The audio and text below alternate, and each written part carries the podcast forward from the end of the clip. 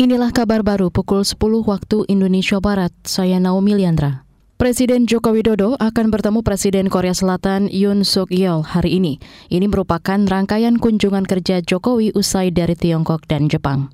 Jokowi tiba di Bandara Seoul, Korea Selatan, Rabu malam waktu setempat. Jokowi disambut Wakil Menteri Luar Negeri Korea Selatan Cho Hyun Dong, Duta Besar RI untuk Korea Selatan Gandhi Sulistianto, hingga atas pertahanan RI Korea Selatan Akal Juang Embryono Tisna Putra. Dalam kunjungan kali ini, Jokowi didampingi Menteri Koordinator Bidang Kemaritiman dan Investasi Luhut Binsar Panjaitan, Menteri Luar Negeri Retno Marsudi, Menteri Sekretaris Negara Pratikno, Menteri BUMN Erick Thohir, dan Menteri Investasi Kepala BKPM Bahlil Lahadalia. Di Tiongkok dan Jepang, Jokowi banyak membahas aspek ekonomi.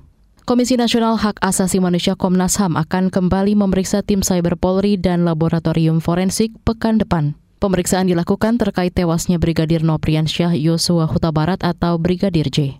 Komisioner Komnas HAM Hoirul Anam mengatakan timnya akan mendalami rekaman CCTV dan jejaring komunikasi saat insiden terjadi. Makanya minggu depan kami akan ketemu lagi dengan tim cyber dan lapor untuk memastikan itu. Kalau rusak misalnya kenapa rusak, bisa ditarik ataukah tidak, bisa ngerekam ataukah tidak, dan sebagainya.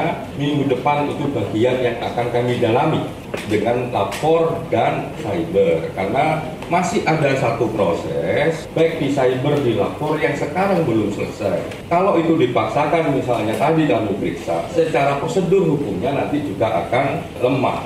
Hoirul Anam mengatakan, Komnas HAM sudah mendapatkan akses terhadap puluhan video dan beberapa titik dari pemeriksaan Rabu kemarin. Titik-titik tersebut antara lain di sekitar perjalanan Magelang, Jakarta. Selain itu, Komnas HAM juga telah mendapat riwayat komunikasi yang terkait dengan insiden tersebut. Menurut keterangan polisi, Brigadir J tewas dalam insiden baku tembak dengan Baradae di rumah Dinas Kadif Propam Polri saat itu Verdi Sambo 8 Juli lalu. Terakhir ke lantai bursa.